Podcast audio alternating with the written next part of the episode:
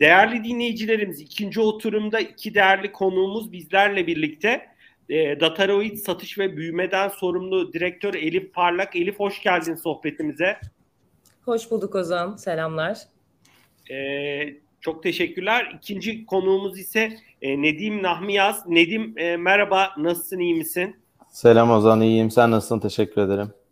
Ben de iyiyim. Çok sağ ol. E, yemek sepetine de böyle atıfta bulunduk sohbette birkaç yerde tabii birinci ağızdan senden e, gelişmeleri de e, dinleriz konuşmamız çerçevesinde. Bugün ikinci oturumumuzun, sohbetimizin başlığı da e, kusursuz müşteri deneyimi yaratmak. Nedim dilersen seninle başlayalım e, öncelikle. E, sonuçta e, Yemek Sepeti Türkiye'nin en köklü e-ticaret platformlarından bir tanesi. Yemek Sepeti Marketi, Yemek Sepeti Mahalleyi geçtiğimiz e, aylarda, yıllarda lanse ettiniz. Biraz yemek sepeti dünyasında neler oluyor? Bize neler aktarmak istersin? Ve e, müşteri deneyimine yemek sepeti olarak e, nasıl bakıyorsunuz?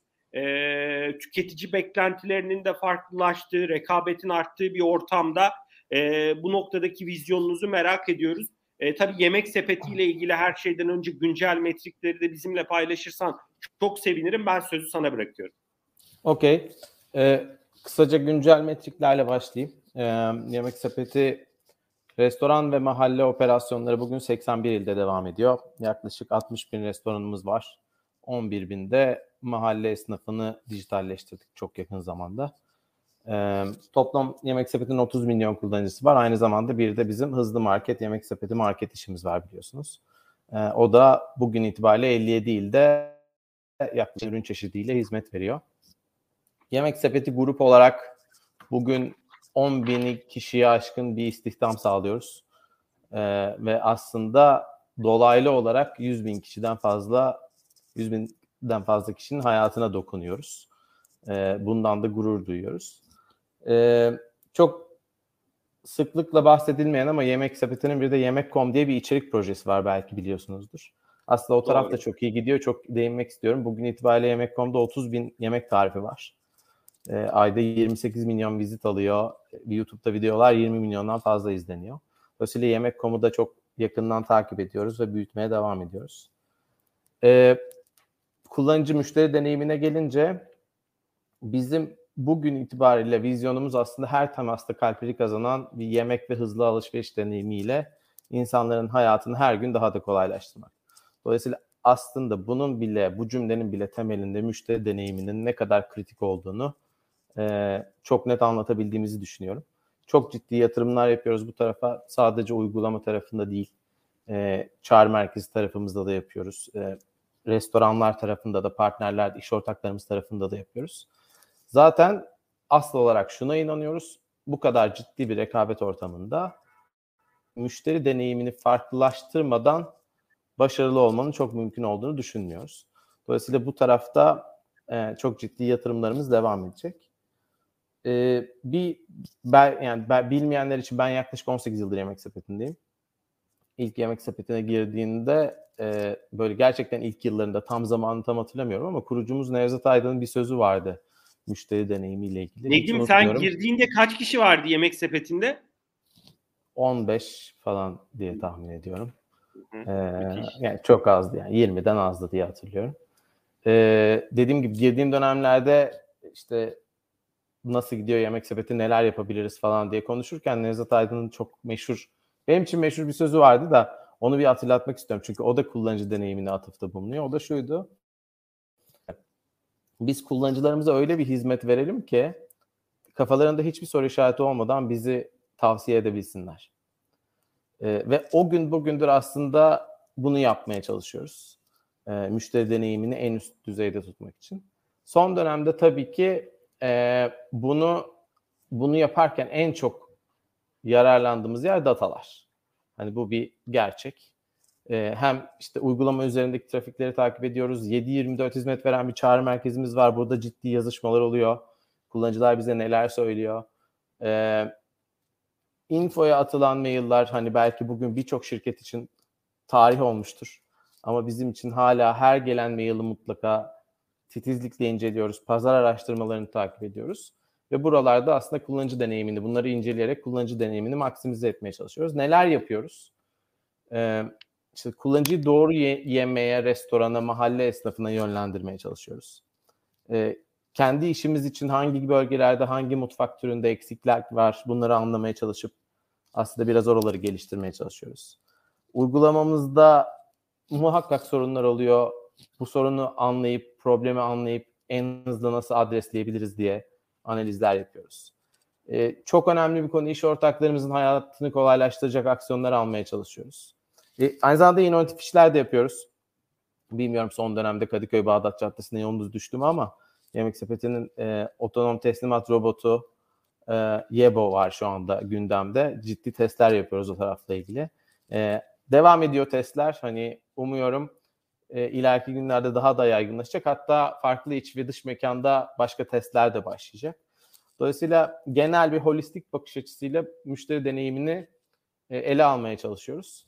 Son olarak söylemek istediğim aslında e, Yemek Sepeti biliyorsunuz 2015 yılında Delivery Hero tarafından acquire edildi. E, dolayısıyla biz şu anda Delivery Hero'nun bir partner şirketiyiz. Burada da çok ciddi çalışmalar yapılıyor ve aslında dünyada neler yapıldığını da takip ediyoruz biz Delivery Hero aracılığıyla. Müşteri deneyimini maksimize etmek konusunda. E tabii ki müşteri deneyimi bizim de iyi yaptığımız işlerden biri olduğu için aslında Delivery Hero'ya biz de know-how transferinde bulunuyoruz. Onlarla da görüşüyoruz. Biz neyi yapabiliriz, neyi daha iyi öğrenebiliriz diye. Buralardan da aslında çok güzel şeyler çıkıyor ve onları da öğrendikçe aslında implemente ediyoruz. Nedim çok teşekkürler. E, bu arada e, orayı kaçırdım. E, yemek sepeti mahalle şu an 57 şehirde mi dedin sen? Yemek sepeti mahalle 81 ilin 80. tamamında var. Yemek sepeti 80. market, hızlı market servisi ha. 57 ilde. He, tamam market 57'de. Tamam okeydir. Ee, bu Yebo ile de ilgili e, biz de o bülteni yayına almıştık. İlerleyen dakikalarda oradaki tecrübelerinizi de hakikaten merak ediyorum. Hani e, Türkiye'de bu işin geleceği var mı? E, yok mu? Nasıl e, deneyimler elde ediyorsunuz? Onu konuşacağız. Bu arada e, hazır e, Delivery Hero konusu açılmışken Glovo'nun e, satın alma süreci daha tamamlanmadı değil mi Nedim? Yanılmıyorsam. Of, tamamlanınca officially tamamlanmadı. Tamamlanınca çok ciddi bir dünyada penetrasyona ulaşıyorsunuz evet. yanılmıyorsam. Bugün Delivery Hero 50 ülkede operate ediyor. Glovo ile birlikte 75 ülkede operate etmeye başlayacak. Yani bir 25 ülke daha yaklaşık eklenmiş Hı. olacak. Çok Aynen önemli öyle. bir sayı. Ee, çok teşekkürler Nedim. İlerleyen Rica dakikalarda tabii de farklı use case'leri, farklı sizin bakış açılarınızı konuşacağız.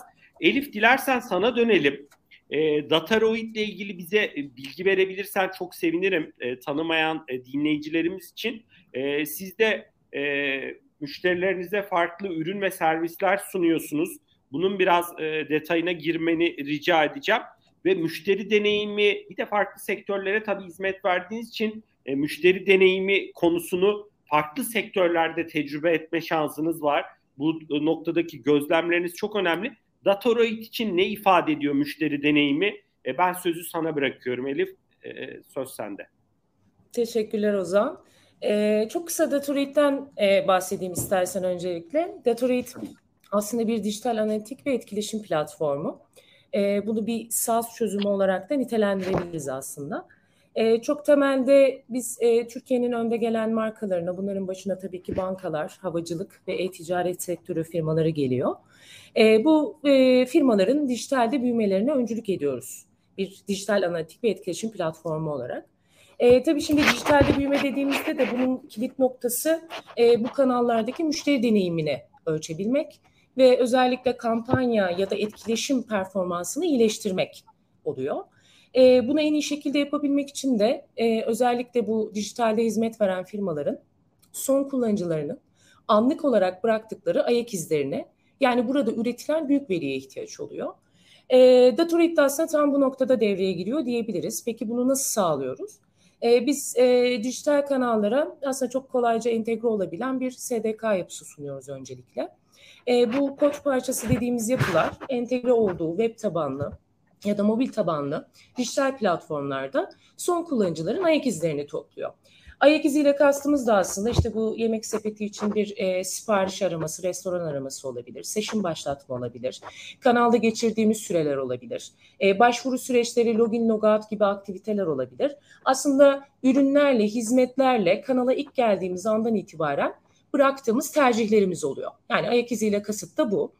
E, üretilen bu verinin hem e, analitik hem de notification, e, INEP gibi hedefli etkileşim senaryolarında kullanımını sağlıyoruz platform üzerinden.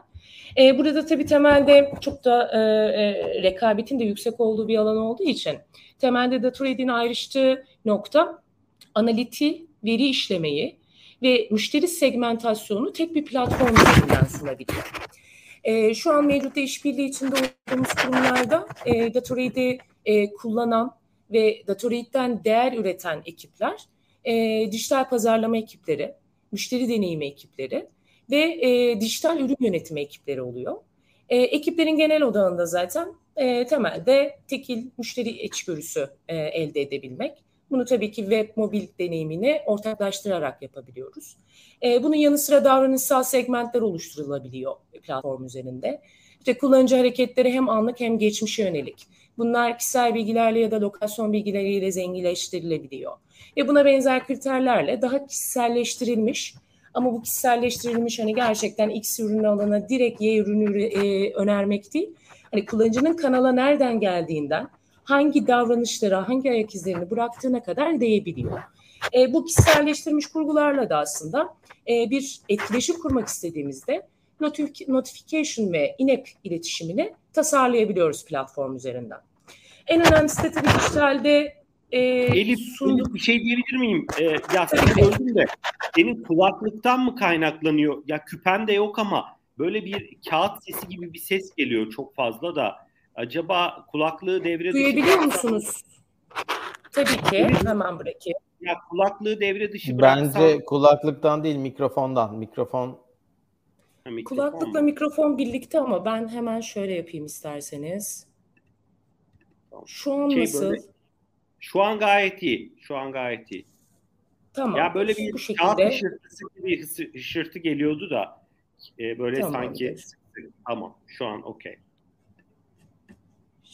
Şimdi tekrar bağladım. Sizi duyabiliyorum evet. sanırım. Evet. Evet, evet. Biz seni duyuyoruz. Gayet iyi.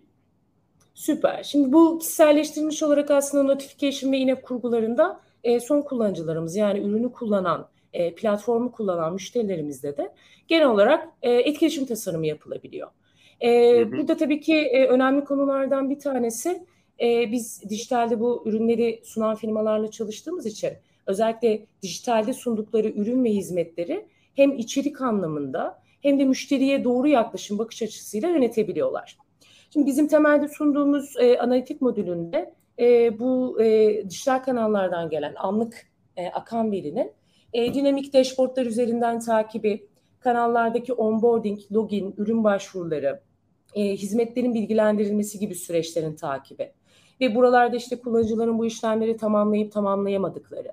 Yine kritik yolculuklarda özellikle e, platformumuzu kullanan pazarlama ekiplerinin, ürün ekiplerinin seçtiği adımlarda bu yolculukların ne kadar drop-off'a sebep olduğu, e, tamamlanma conversion ölçümleri gibi birçok raporlama yapılabiliyor diyebiliriz.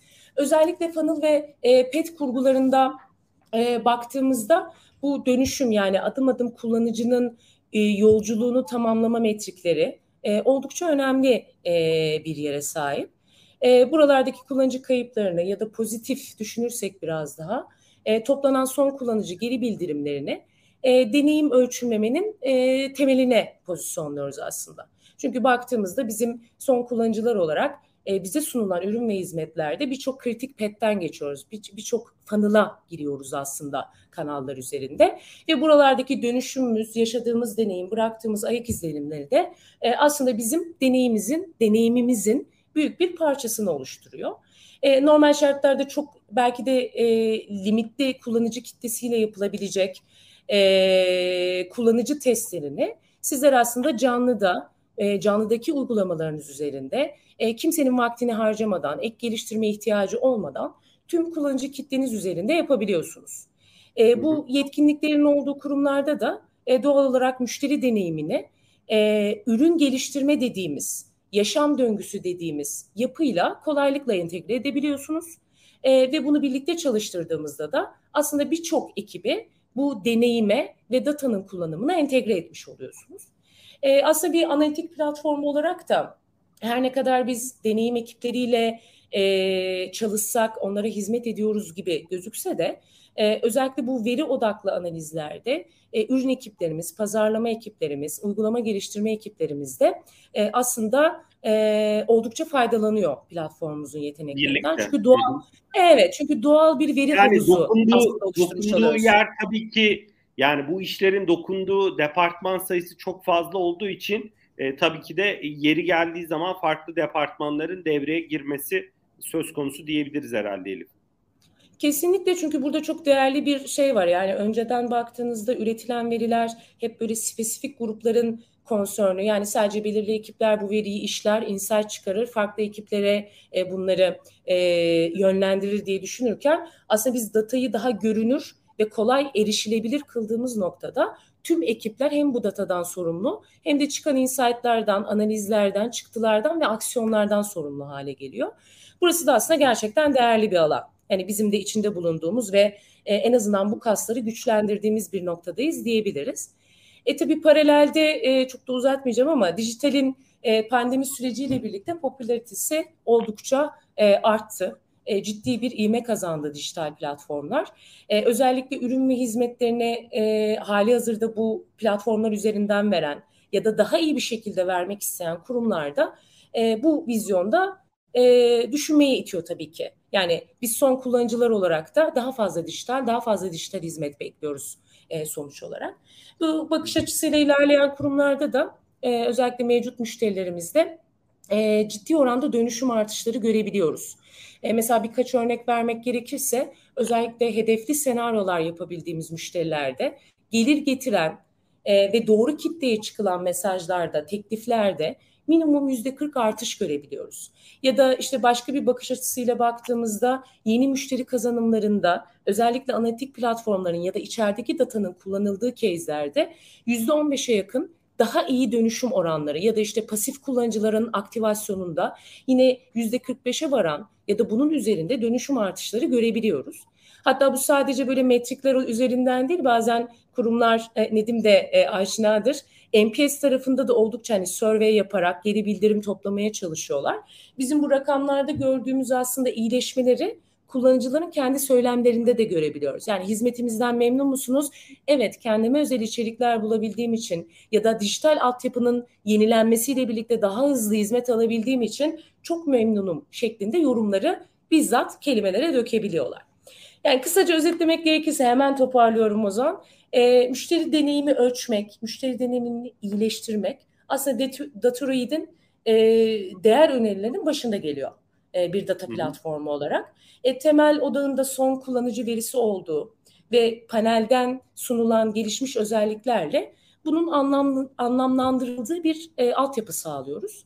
E, bu yapının hemen kullanılabilir olması, çok fazla müşterilerimiz tarafında yatırım gerektirmemesi de aslında bizim işimizi kolaylaştırıyor diyebiliriz.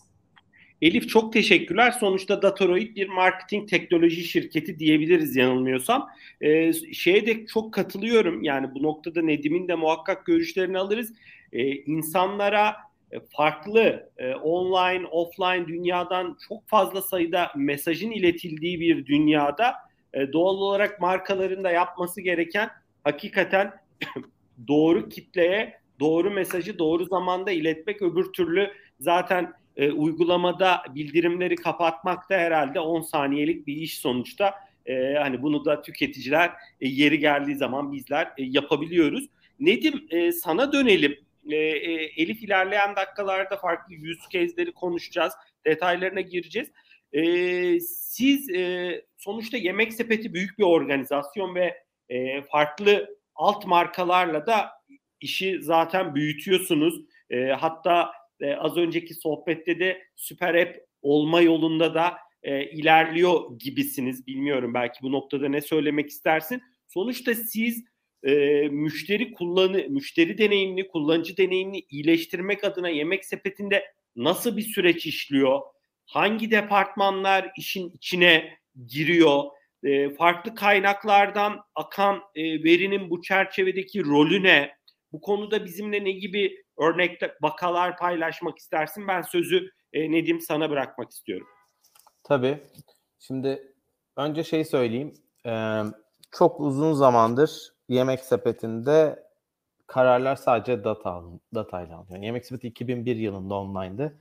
Tahmin edersiniz ki belli bir süreçte hani datalara o kadar da aksesimiz yoktu ya da data hayatımızda bu kadar kritik değildi ama çok uzun zamandır biz bütün kararlarımızı sadece data ile alıyoruz ve bu sadece uygulama özelindeki bir e, bir şey değiştirmekle ilgili değil. E, yeni bir iş modelini girecekken de aslında e, datalara bakıyoruz. Mesela Super App konusunu da incelerken datalara bakıyoruz. Dünyada neler oluyor? Bizim uygulamalarımızda kullanıcılarımız bize neler söylüyor gibi şeylere bakıyoruz. dolayısıyla her yerden datayı consume etmemiz gerekiyor. bir işe başlarken de mutlaka ve mutlaka her öncelikle data ile valide edilmesi gerekiyor. Yani diyelim ki işte bir yemek sepeti çalışanı olarak bir hipoteziniz var. Önce dataya bakıp bunu valide etmeniz lazım yani. Çünkü elinizde sonsuz data var. Data ile valide edemiyorsanız, data size bunu söylemiyorsa zaten hani öyle bir problem de yoktur. Bizim işimiz biraz problem çözmek. Valide ettikten sonra da mutlaka birkaç farklı alternatif test etmek gerekiyor. Ve sonuçları yine dat sadece data ile valide etmek gerekiyor. Sonra tabii ki daha farklı iterasyonlar e, yapmak gerekiyor. E, A-B test bizim en büyük gündemimiz biliyorsunuz. E, çok fazla A-B test yapıyoruz. Son yıllarda binden fazla A-B test yaptık. Ve bu e, bir feature'ı komple değiştirmek, bir deneyimi komple değiştirmek de olabiliyor. Bir buton rengi seviyesinde ya da bir text seviyesinde bir değişiklik de olabiliyor. Tabii e, işte bu A-B testlerin sonuçlarını analiz ederken ne yapıyoruz gibi biraz use case'ler anlatabilirim. Bence önemli şeylerden biri. Kesinlikle. Ee, çok faydalı olur Nedim. Şimdi e, klasik e-ticaretler için ort metrikler 3 aşağı 5 yukarı herkes tarafından biliniyor. İşte en popüleri conversion rate. İşte uygulamaya kaç kişi girdi, kaç kişi sipariş veriyor. Ee, burada bu tabii ki bizim için de önemli. Hani bizim için önemsiz demiyorum ama bizim için aslında bir hayli önemli olan bir metrikte hız. Biliyorsunuz biz kendimizi artık her ticaret, hızlı ticaret olarak konumluyoruz. E, dolayısıyla bir kullanıcının uygulamaya girdikten sonra e, ne kadar sürede siparişi tamamlayabildiği bizim için bu testlerin sonucunda çok kritik bir metrik. E, bunu da şundan da dolayı önemsiyoruz. E, mesela diyelim ki bir e-ticaret sitesine girdiniz, kendinize bir işte ayakkabı alacaksınız, kırmızı bir kazak alacaksınız. Çok önemli değil. Buradan beklentiniz şu. İşte ayakkabının normal şartlar içinde size 1-2 gün içinde gelmesini bekliyorsunuz. Bir aksilik çıkmazsa 3-5 yıl kullanmayı bekliyorsunuz. Ama yemek öyle değil. Yemeğin size işte 10-30 dakika içerisinde gelmesini bekliyorsunuz. Muhtemelen 45 dakika sonra bir daha da hatırlamayacaksınız. Dolayısıyla ayakkabı alırken harcamak istediğiniz zamanla e, yemek alırken ki harcamak istediğiniz zaman aynı değil. Dolayısıyla bizim için çok kritik metrik yani işte 10-30 dakika içerisinde gelmesini ve yemeği beklediğiniz bir şeyin siparişini 15 dakikada tamamlayamıyorsanız bir bir yerlerde bir sorun vardır. Dolayısıyla bunları çok yakından inceliyoruz. Ee, çok, çok acıkmamış da olabilir kişi Nedim. Yani evet tabii ama hani keyifli keyifli ama bakmak da yani e, kişi de şaka yapıyorum tabii ki de kişi de hani e, yemek sepetinde ben dolaşayım diye de e, girmiyor. Yani sonuçta acıktığı için giriyor. E, takılmak istedim ben şaka yapıyorum. Yani dola, yani bence yani şimdi o kadar çok kişi giriyor ki dolaşayım diye giren de olabilir diye tahmin Olabilir. ee, başka data kaynakları şey geldi aklıma şimdi belki hatırlarsanız birkaç yıl önce e, suç ve ceza projemizi yayına almıştık. E, işte 3 aydır sipariş vermeyen kullanıcıları bir interaktif video yolluyorduk işte orada Nevzat Bey bizi haşlıyordu bu kullanıcı neden sipariş vermiyor diye. Çok enteresan e, bir geri dönüşler almıştık orada yani. Kullanıcılardan geri bildirimleri toplayıp oradan aslında çözümler de yapmıştık. E, yani bizim ne tarafta gibi işler... biraz hani spesifik bahsetmek ister misin? Ee, size şaşırtıcı gelen mesela. Şaşırtıcı gelen çok bir şey yoktu açıkçası. Sadece hani e, bir şekilde önceliklendirmeyi doğru yapabilmek adına çok güzel veriler sağlamıştı bize. E, işte arama deneyiminde, arama deneyiminde çok ciddi değişiklikler yapmıştık o dönem. E, yemek sepetinde bir şey aradığınızda karşınıza gelen sonuçlarla ilgili yatırımlar yapmıştık. E, bu tarz projelerimiz hep devam ediyor. Yani biz o tarafta kullanıcı deneyimini maksimize etmek için kullanıcıları dinlemeye devam edeceğiz. Onların bize bıraktığı izleri uygulamamızda gezerken bunların hepsine devam edeceğiz. Ve aslında hep iteratif, iteratif bir şekilde devam edeceğiz diye düşünüyorum. Hı hı. Çok teşekkürler Nedim. İlk sohbette de e, Tabgıda'dan Caner de e, bu açlığın hani e, sonuçta onlar da sizin önemli bir partneriniz. Onlar da önemli bir restoran, e, farklı markaları bünyelerinde barındırıyor. Hakikaten o açlığın deneyimdeki e, rolü, e, tüketici beklentilerindeki rolü hakikaten de çok e, önemli. O e, kan şekeri düşen sizin farklı sohbetlerinizde de hani e, yemek sepetinden yöneticileri dinlediğim zaman e, hani bu tecrübeleri dinliyorduk. Orada hani aç olan bir insanın reaksiyonu, tepkileri, belki beklentileri hakikaten farklı olabiliyor. Bunu da e, ne diyeyim sağlıklı yönetmek de çok kolay değil. E, hani onu söylemek istedim. Ya kesinlikle öyle. Yani e, açlık siniri diye bir realite var. Yani e, işte yeterince zaman açlığın üstünden yeterince zaman geçtikten sonra hani işler kişi için kolay olmuyor. Bunu çok iyi anlayabiliyorum. Ya biz bunun etkisini e, şeyde çok gördük. E, geçtiğimiz yıllarda her uygulama, her web sitesi e, çok ender de olsa ara ara down olabilir. Hani yemek sepeti down olduğunda çok ciddi tepkiler geliyor sosyal medyadan. Hani açız sipariş veremiyoruz. Başka klasik bir e-commerce hani down olduğunda işte ayakkabı örneğini anlatayım. Ayakkabıyı yarım saat sonra almanın aslında çok büyük bir etkisi yok kişinin o anki hayatına. Ama yemeği yarım saat sonra sipariş edememek çok büyük e, sorun yaratıyor. Dolayısıyla e, o tarafta da e, bir hayli hassas e, kullanıcı deneyimini orada da maksimize etmek için.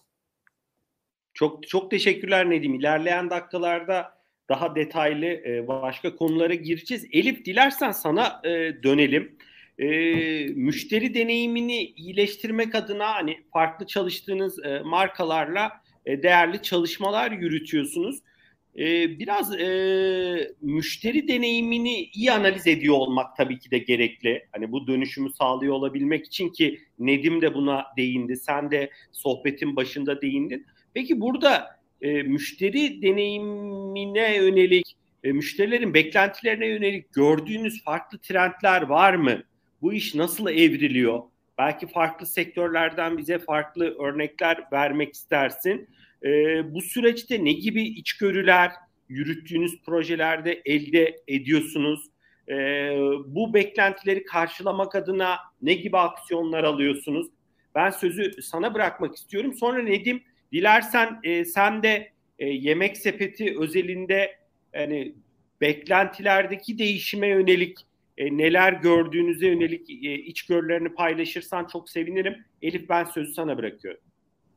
Teşekkürler Ozan. Şimdi aslında trend dediğimizde e, çok e, kritik bir noktaya vurgu yapıyorsun ama ben kendi kişisel görüşümü söylemek istiyorum bu konuda. Aslında dijital servisler, dijital hizmetler kendileri bir trend oldu artık son zamanda. Şimdi o yüzden dijital kendisi bir trend noktası olduğu noktada aslında bizim bu işte insanoğlunun ilk zamanlarından beri hep bir alışveriş içindeyiz. Bunları e, güven çerçevesinde yani güvene e, dayalı, güven odaklı bir şekilde bu hizmetleri, ürünleri e, birçok yolla satın alıyoruz aslında. Şimdi trend dijital olduğu zaman da doğal olarak aslında bizim son kullanıcılar olarak bu ürünleri alma isteğimiz, inceleme isteğimiz, hizmetlere bakma şeklimizde yine bu güvenin çerçevesinde, güvenin etrafında e, şekilleniyor. E, dijital teknolojilere döndüğümüzde de aslında bir markanın bu güveni oluşturabilmesi, ürünlerini dijitalden satabilmesi için de tabii ki marka bilinirliğini, hizmet ve ürünlerinin kalitesini ve en en önemli tabii ki iş dijital olduğu için de teknolojilerini belirli bir noktada tutabilmesi gerekiyor. Şimdi mesela son kullanıcı davranışlarına baktığımız zaman özellikle pandemi öncesi ve sonrası kısımda da e, biz daha fazla dijital ürünle muhatap olduğumuzda telefonlarımız, teknolojimiz, kullandığımız ürünler daha ileriye gittiğinde, işte TikTok gibi bir şey hayatımıza girdiğinde aslında oradaki gördüğümüz normları, kavramları, bize sunulan hizmetleri bütün markalardan beklemeye başlıyoruz. Yani temelde bir kesinlikle güven ilişkisi var. Mesela işte yemek sepeti örneğinde evet ben yemek sepetini belki de ilk çıktığı günden beri kullanıyorum. Ama ne olursa olsun yemek sepetinden ya da XYZ firmasından aslında hizmet kalitesinde hep beklentimin üzerinde bir hizmet kalitesi bekliyorum. İşte bunu hem rekabet sağlatıyor son kullanıcılara hem o gün o çalışmıyorsa başka yere giderim algısı yaratıyor gibi gibi. Yani biraz aslında hem bu güven beklentisi trend olarak bence komple dijitalleşti. Özellikle bu son kullanıcı yorumlarına kolay erişebiliyor oluşumuz. Yani eskiden eşimize, dostumuza sorduğumuz feedbackleri, geri bildirimleri çok rahatlıkla şu an bir arama motoru üzerinden e, markaların isimlerini yazarak, almak istediğimiz ürünleri yazarak hem fiyat anlamında hem ki hizmet kalitesi anlamında bakabiliyoruz. O yüzden de e, özellikle trend anlamında ya da analitik anlamda kanal performanslarına bakarken kullanıcıların nereden geldiği bilgileri de çok değerli bir hale geliyor. Çünkü aslında ben bir ürün alırken marka bilinirliği bir konsörnüm oluyor. Fiyatlama bir konsörnüm oluyor kesinlikle. Ama muhakkak başka ürünlere, başka hizmetlere, başka providerlara da bakma ihtiyacı duyuyorum. Bu da beni aslında gideceğim kanalın dışındaki kanallara yani bunlarla ilgili hizmet sunan yerlere e, gönderiyor. Bu da yine farklı bir bakış açısı diyebilirim e, benim de gözlemlediğim. Yani bu son kullanıcı için de geçerli. E, bizim mevcutta çalıştığımız müşterilerin kendi kanallarını analiz ederken kullandıkları yöntemlerde de geçerli. Bunun e, diğer bir tarafı da aslında hep akıllı önerilerden hatta diğer oturumlarda da çok konuşuldu. Şimdi bizim normalde bugüne kadar geldiğimiz noktada işte data varsa e, datadan bir şeyler çıkar ve o çıkan bir şeyler de işte muhakkak satışa etki eder, pozitif yönde etki eder gibi algılar vardı. Ama şu an son kullanıcılar o kadar fazla bilgiye maruz kalıyor ki nasıl kurumların dataları büyüyorsa bizlerin de aslında son kullanıcı olarak maruz kaldıkları reklamlar, hizmetler, ürünler oldukça büyüyor. Ve böyle bir durumda e, akıllı teknolojilerden, yapay zeka altyapılarından beklenen de şu. Bana herkese çıktığın benzer şeyleri değil, aslında benim uzun süreli markayla etkileşim, başka kanallarda kurduğum iletişim, çağrı merkezine bıraktığım şikayet kaydına kadar bunları konsolide bir şekilde görüp daha akıllı yöntemlerle iletişim kuruyor. Yani aslında son kullanıcı hem yaşadığı sorunların tahminlenmesini isteniyor, istiyor hem de kendisine ürün sunulurken ya gerçekten ben bunu ben bu, bu benim ürünüm değil diyebiliyor. Yani bu derece aslında olaya hakim, datanın kullanıldığına hakim bir son kullanıcı kitlesi var karşımızda. O yüzden ben burada da hem bizim son kullanıcılar olarak hem de şirketlerin yaklaşım değiştirdiğini ve buradaki bu belki biraz şımarık dediğimiz ama aslında talepkar e, son kullanıcı kitlesini yönetmeye çalıştıklarını görüyorum. E, genel bunlar aslında belki bir de e, yenilik e, çok ufak bir noktaya daha değineceğim. Yenilik arayışı çok fazla var. Yani normalde kurumlar hep böyle yeni ne hizmet sunabilirim, e, yeni ürün e, portföyü nasıl geliştirebilirim diyor ama biraz bizler tarafında da son kullanıcı tarafında da aslında ben bu kanalda yeni hiçbir şey görmüyorum algısı da oluşuyor. O yüzden de yeni çıkan hizmetleri, yeni ürünleri çok iyi monitör etmek, takip edebilmek ve bunları dönüştürürken mevcut deneyimi bozmadan yapabilmek de yine kritik bir e, konu diyebilirim. Elif çok teşekkürler değerli paylaşımların için. Ee, Nedim sözü sana bırakayım. Elif'in orada bahsettikleri e, noktalar tabii çok değerli birçok noktaya değindi ama bu e, tüketici yorumu konusu da ilginç. Yemek sepeti dünyası için de çok önemli bir e, nokta. Evet. O orada ya da bir ek parantez açıp biraz belki oraya değinirsen çok sevinirim. Bir de orada bir noktayı daha açayım tartışmayı zenginleştirmek adına. Bir de dünyada bu tip platformlarda bu Amazon olabilir, Yemek Sepeti olabilir e, e, ya da başka sitelerde hani e, fake yorum, sahte yorumun üzerine de herhalde yatırımlar yapılıyor. Bunun abuse edilmemesi, kötüye kullanılmaması için belki ona yönelik de hani e, sizin senin know-how'ından, bilginden faydalanabilirsek sevinirim. Ben sözü ama e, her şeyden önce sana bırakıyorum. Sizin gördüğünüz temel trendler, değişim nedir, tüketici beklentileriyle ilgili e, ve bu son bahsettiğim konulara yönelik yorumlarını alabilirsem yorum, sevinirim. Yorum tarafına önce çok hızlıca dokunayım. Ee, çok uzun zamandır gündemimizde olan bir konu bizim için. Yemek sepeti kullananlar bilir. Yemek sepeti aslında uygulama üzerinde sizi oldukça yorumlarınızı bırakmanız üzerine push ediyor. Çünkü bunun çok değerli bir content olduğunu düşünüyoruz. E, hem başka kullanıcıları ya e, yardımcı olmak anlamında hem bizim için de restoranlar için de kendilerini geliştirebilmeleri için çok önemli bir veri aslında bu. E, restoranların cevap hakkı da var biliyorsunuz yemek sepetindeki yorumlara hani bir bir bir problem olduysa onunla ilgili bir yorum bırakma hakkı da veriyoruz. E, aynı zamanda puanlamalarda. Abuse konusu evet e, bizim e, ülkemizde genel olarak karşılaşılan bir durum. Bunu kabul etmek lazım. E, ama Yemek Sepeti'nin burada çok ciddi yatırımları var. E, buraları engellemek için. Bir kere zaten sipariş vermeden yorum yapılamıyor. En temelde o var ama hani bunu da tabii ki atlatabilirler bir sipariş vererek. E, buralarda çok ciddi yatırımları var ve bizim kendi gözlemlediğimiz kadarıyla aslında bu abuse çok ciddi anlamda ne olduğunu bulabiliyoruz ve aslında blokluyoruz bir şekilde. E, o tarafta bir hayli güveniyorum yaptığımız işlere. Dolayısıyla yemek sepetindeki yorumların güvenilirliği konusunda kullanıcı deneyimini maksimize etmek için e, gayet iyi bir konumda olduğunu düşünüyorum. Trendle ilgili de e, tek bir şey söyleyeceğim. Bence çünkü enteresan bir yere doğru evrildi. Şimdi pandemiden önce hayatımızda her şey belki hıza çok paraleldi. Yani kimsenin yeterince vakti yoktu. Ee, bir şeyler geciktiğinde kimse kendini iyi hissetmiyordu. Sonra pandemi girdi hayatımıza ve hayat böyle bir minimuma çekilince hani eve bir şeyler gelebildiğinde kendimizi iyi hissetmeye başladık. Dolayısıyla bir anda hız ikinci plana gitti. Yani yeter ki gelsin noktasına döndü. Ee, ondan sonra normalleşmeye başlayınca biraz daha aslında işler daha önceki yere, hızın nispeten önemli olduğu yerlere doğru geldi ama biz son dönemde şunu görüyoruz. Aslında kullanıcıların bu overall müşteri deneyimini maksimize etmek kapsamında söylüyorum. Kullanıcıların, müşterilerin hız konusundaki beklentisi accurate.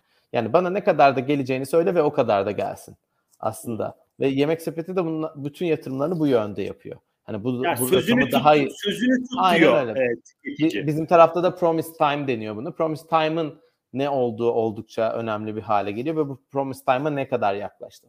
Yani erken gelmesi de bu arada başka problemler yaratıyor. Yani 25 dakika promise edip 5 dakikada getirmek de başka problemler yaratıyor. Dolayısıyla Kesinlikle. yemek sepeti hem kendi içinde hem Delivery Hero bünyesinde bugün 50, yarın 75 ülkede bu optimizasyonu yapmak için ciddi yatırımlar yapıyor. Ve bizim gördüğümüz son dönem trend değişikliği bu. Hızdan ziyade artık sözünü tut, doğru zamanda, bana söylediğin zamanda getir tarafına gidiyor işler biraz. Nedim buraya girmişken aslında e, çok güzel hani benim de e, merak ettiğim bir nokta. Sonuçta sizde e, yemek sepeti market var. E, bilmiyorum şu an average'da marketteki taahhüdünüz nedir? E, hani e, ben tabii ki yemek sepeti marketi kullanıyorum zaman zaman ama hani şu an e, çok spesifik bir zamanlama söylemiyorum. Biraz orada hani baktığınız zaman ya tamam gıda tarafında yani yemek sepeti tarafında yemek tarafında e, sonuçta e, insan bir sipariş vermiş ve muhtemelen aç ve yemek yemek istiyor. Peki orada market tarafında ve mahalle tarafında ya hakikaten e, yani sen aslında bahsettin ama biraz daha detaylandırmanı isteyeceğim. Orada promise time e, önemli yani hız 15 dakika değil de 25 dakikada olsa 30 dakikada 35 dakikada olsa olur mu? Çünkü bunu niye söylüyorum? Dünyada da şeyi görüyoruz. Hani e, isim ver verebiliriz. Gorilla'stır, farklı şirketler hani personel çıkartıyor. Sonuçta ya bu süreyi kısa tutmanın da ciddi arka tarafta bir kostu var şirketlere. Hani o noktada e, hız hakikaten çok çok önemli mi? Biraz oraya açmanı istiyorum. Sen bahsettin ama ne demek istediğimi anlatabildim tahminim. Anladım. Ee, şimdi hız hız önemli. Çok çok önemli mi? İşte zaten bugün e, birçok şirketin cevabını aradığı soru işte Gorillas gibi dedin. Soru, soru bu. Ee, ne pahasına 10 dakikanı işte 15 dakikada getirsek e, gerçekten hayatımızda çok ciddi şeyler değişecek mi? Sorusunun cevabını şu anda herkes arıyor. bu şöyle e, bu bir pazar hızlı delivery bir pazar değişimiydi. Başladı. Sonra aslında önümüzdeki dönemde bence göreceğiz. Bu böyle ortak bir noktaya doğru bir şekilde merge olacak. Yani evet mahallede işte kasap var, manav var, kuru var. Buralardan e, işte 20 dakikada sipariş gelmesi bir kullanıcı için önemli olabilir ama majority'si için bu siparişin önümüzdeki bir saat içinde deliver olması ile ilgili çok büyük bir problem olacağını düşünmüyorum. Dolayısıyla tam olarak üstüne çalıştığımız şey de bu. Kullanıcı beklentisini doğru anlamak ki az önce söylediğim gibi trend beklentinin hız olduğu yönünde değil, sözü tutma yönünde doğru evriliyor. Ve e, bunu doğru bir şekilde kullanıcıya komünike edip aslında e, kullanıcıya bu tercihi bırakmak birazcık. Bence biraz pazar oraya doğru evrilecek. Yani hemen e, hemen isteyen de olabilir çünkü. E, benim acelem yok. 25 dakika sonra gelsin ya da bir saat sonra gelse de olur diyen de olabilir. Biraz önümüzdeki dönemde kullanıcı deneyiminin buradaki araştırmaların sonucuna göre değişeceğini, bu yönde değişeceğini düşünüyorum. Şu anda Nedim, beklentim o. E, çok teşekkürler. Burada da tabii şirketler şunu da yapabilir. Yani e, bir kitle ya acil istiyorsa ve bunun bir yatırım maliyeti varsa denilebilir ki ben buna yatırım yapmıyorum kardeşim. Hani ben bunun içinde yokum. E, sen e, hani başka bir platformdan ya da çevredeki bir büfeden sana hizmet veren varsa bunu yapabilirsin. Yani şirketler de burada bir tercihte tahminim bulunacaktır. Ee, eğer kullanıcılar hani, da bulunacak bu arada hani kullanıcılar da bulunacaktır. Hani e, şirketler de bulunacaktır. Aynen öyle yani kullanıcılar da çok hızlı bir sipariş istiyorsa bunun e, kostuna belki katlanacaktır. Yani bunu da Hı-hı. zaman gösterecek bize. Çok teşekkürler Nedim. Bir de e, yeri gelmişken e, Elif'le sana bir soru soracağım az sonra ama bu e, Yebo yanılmıyorsam Yebo'ydu değil mi? Bağdat Yebo. Caddesi tarafında yayını aldığınız e, orada da bir startupla galiba işbirliğine Delivery AI ile evet. Delivery Aynen. Aynen. E, Türk startup'ı. Şey e, nasıl gidiyor? E, şu an kaç robot var? E, o robotlara birileri eşlik ediyor mu? E, böyle e, Türk milleti olarak e, kurcalamayı falan severiz. hani o robotların başına bir şey geliyor mu? Ya çünkü Merak bunlarla ilgili ya. bunlarla ilgili yani şu ana kadar robotun başına bir şey gelmedi. En azından Hı-hı. bana gelen son bilgiler çerçevesinde bu ama kaç robot e, var bu arada Nedim? E, tam emin değilim ya. Tam emin değilim. Yanlış bir bilgi tamam. vermeyeyim. E, bu zaten şu an bir test. Yani şimdi e, Türkiye'nin Türkiye'nin mevcut şartlarında hani bu testi yapıyor bile olabilmek aslında bence büyük bir başarı. Yani şey gibi düşünün. E, ya bu bir robot ve işte önüne geldiğinde engelleri aşması gerekiyor. İşte etrafından geçmesi gerekiyor. Kaldırımlardan gidiyor, yoldan gidemiyor tabii ki. E, Türkiye'de kaldırımlara araba park ediliyor. Yani böyle bir realite var maalesef. Yani e, dolayısıyla e, bir şekilde bunları hep birlikte zaten şu anda anlamaya çalışıyoruz. Hani hı hı. bu model scale edilebilir mi öncelikle her şeyden önce hani bir bir, bir hı hı. business modele dönüşebilir mi onu anlamaya çalışıyoruz. Ama şu an çok erken bizim yorum yapmamız için. Ee, bence sağlıklı yorum yapmak için biraz daha test etmeye ihtiyacımız var. İşte Caddebostan gibi e, nispeten flat bir alanda şu anda test ediyoruz.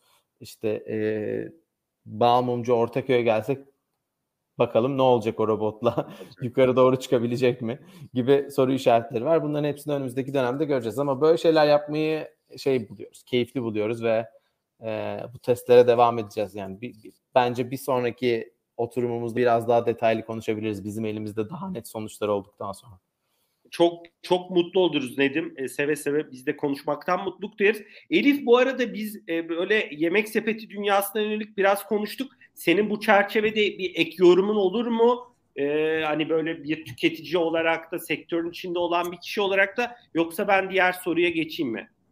Yani çok ufak bir yorum yapabilirim. Geçen haftalarda da o, o tarafta oturduğum için e, robotunuzla karşılaştım dedim oldukça sakin ve e, emin adımlarla e, adresine doğru gidiyordu. çevreye baktığımızda da aslında işte bir iki görünce şaşırıyorsunuz ama gerçekten iki kez üç kez gördükten sonra işte bu adaptasyonu yüksek olmasından da kaynaklanıyor. Bir süre sonra onun seamless bir şekilde o hizmeti veriyor olmasını bekleyeceğiz büyük ihtimalle hep birlikte. O yüzden tebrik ederim öncelikle. Bir de tabii oradaki hizmeti e, biz hani mümkün mertebe ben son kullanıcı olarak da hani insansız hizmet almaya doğru gittiğimiz için hani insanın hiçbir noktada olmadığı daha otomasyon yani daha yönetsel noktalarda olduğu insan hizmetinin. E, o yüzden çok güzel bir girişim olduğunu düşünüyorum. Tebrik ediyorum. Teşekkürler. Ya yani burada şeyi önümüzdeki dönemde göreceğiz tabii. Şimdi e, işte, Amer işte Amerika'da işte tek katlı binaların olduğu bir sokakta bu işi yapıyor olsaydık Yebo kapının önüne kadar gidebiliyordu. E şimdi hani bizde apartmanın önüne kadar gidebiliyor. İşte kullanıcı işte 5. kattan inmeye okey olacak mı? E, siparişi almak için gibi hani daha dediğim gibi anlamamız gereken çok nokta var. Çok yani Türk var. halkına uygun mu bu? Hani bunu bir test etmemiz gerekiyor ama e, keyifli yani üzerinde e, çalışmaya değecek ve hani çok şey öğreneceğimiz bir proje oluyor bizim için de. Çok teşekkürler e, Elif yorumlar için. Nedim e, kesinlikle değerli içgörüler e, elde ediyorsunuzdur bu projeden. E, ben e, sohbetimizin de yavaş yavaş sonuna geliyoruz. Ben burada size e, ikinize bir soru yöneltmek istiyorum. Malum e, müşteri deneyimi deyince işin içinde ürün tarafı var, müşteri hizmetleri tarafı var, pazarlama var. Belki yemek sepeti örneğinde e, düşünürsek işin e, restoranlar tarafı var. İşte e, mahalleyi düşünürsek oradaki farklı esnaflar var. Yani sonuçta e, işte bankalara baktığımız zaman farklı bir dünya var. Yani sonuçta e, farklı bileşenlerin olduğu, farklı departmanları ilgilendiren böyle kompleks bir yapı söz konusu. Yani bu tab gıda içinde geçerli, Unilever içinde geçerli. Burada e, nasıl bunu doğru yönetmek gerekiyor? Yani farklı departmanların da işin içinde olduğu bir e, ve farklı iş ortaklarının buradaki bütünsel bakış açısı ne kadar önemli? E, Elif seninle başlayabiliriz. Bunu şirketler ne kadar sağlayabiliyor? E, e, yani Nedim de yemek sepeti e, üstünden gidecektir diye tahmin ediyorum. Yani bunu e, bu tarafta ne gibi challenge'larla karşılaşılıyor? Sık düşülen hatalar nedir? E, neyi iyi yapmak gerekiyor? E, ben sözü size bırakmak istiyorum. Elif seninle başlayabiliriz. E, tabii. E, şimdi öncelikle e, datanın yani veri dediğimiz şeyin tüm ekiplere görünür kılınmasıyla birlikte buradaki yaklaşımlar oldukça değişti. Ama biz şimdi sahaya baktığımız zaman yani hangi alanda hizmet veriyorsak verelim, uçak bileti satıyor olsak da, yemek e, siparişi alıyor olsak da, bir bankacılık hizmeti veriyor olsak da aslında son kullanıcının gözünde hep tek bir muhatap oluyor. Yani ana hizmeti kimden alıyorsa, oradaki hangi ekiple muhatap olduğundan bağımsız bir şekilde o kurumun hizmet kalitesinin düşük olduğunu düşünüyor. Yani aslında şöyle düşünebilirsiniz. Ben bir web sitesine girdiğim zaman bunun UI UX'i çok kötü yapılmış. Ne kötü UI ekipleri var demiyorum. Ben bu marka bu hizmeti düzgün bir şekilde veremiyor ve benim ihtiyaçlarımı karşılayamıyor diyorum. Şimdi böyle olduğu zaman yani ben son kullanıcı olarak bütünsel baktığım için olaya aslında o hizmetin uçtan uca hayata geçirilmesinde etki eden bütün ekipler sorumlu oluyor bu hizmetin kalitesinden. Şimdi bizim datanın e, önceden sadece belirli ekiplerin e, çatısı altında bulunmasından dolayı şunlar çok duyulabiliyordu. Ama o ekip şunu iyi yapamadığı için biz hizmetimizde kalitesiz kalıyoruz, şöyle kalıyoruz, böyle kalıyoruz. Ama artık biraz devir değişti. Yani teknoloji ekiplerinden ürün ekiplerine, belki Nedim hani burada tabii senin yorumların da çok değerli olacaktır.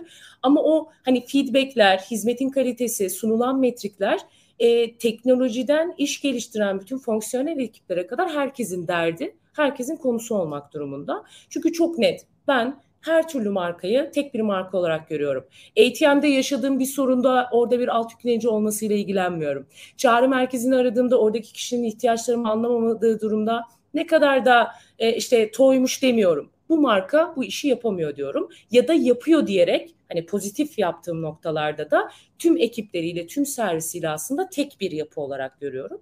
O yüzden ben hani kişisel olarak görüşümde de sektörde gördüğüm, konuştuğum e, ekiplerde de hep şunu görüyorum e, birlikte yaratma, birlikte üretme süreci çok kritik bir süreç.